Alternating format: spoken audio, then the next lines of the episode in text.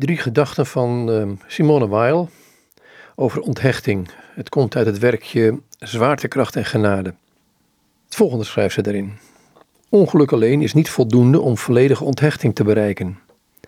Het dient een ongeluk zonder enige vertroosting te zijn.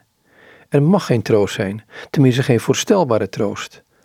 Dan daalt de onuitsprekelijke vertroosting uit een hoge neer.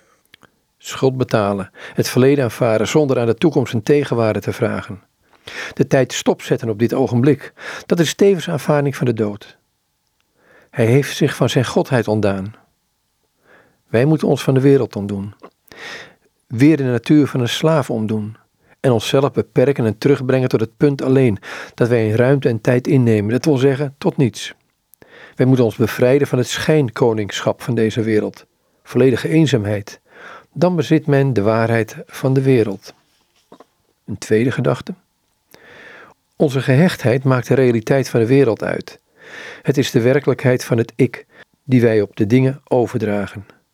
Maar het is in het geheel niet de werkelijkheid buiten ons. Deze laatste is alleen waarneembaar door totale onthechting. Al bleef er maar één enkele draad over, dan zou er nog sprake van gehechtheid zijn. Het volgend gedeelte. Zodra men weet dat iets werkelijk is, kan men er niet meer aan gehecht blijven. Gehechtheid is niets anders dan ontoereikendheid in het voelen van de werkelijkheid.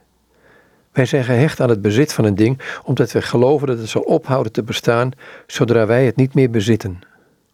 Heel veel mensen voelen niet met hun ganse ziel aan dat er een enorm verschil is tussen de verdelging van een stad en een onverbiddelijke verbanning buiten de stad.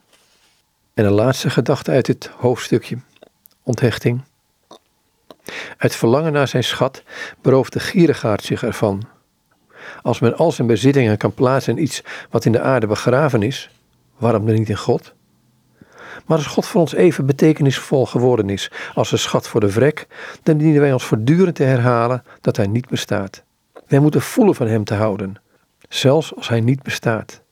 Hij, God, maakt gebruik van de nachtelijke duisternis om zich terug te trekken, opdat Hij niet bemind wordt, zoals een vrek zijn schat bemint.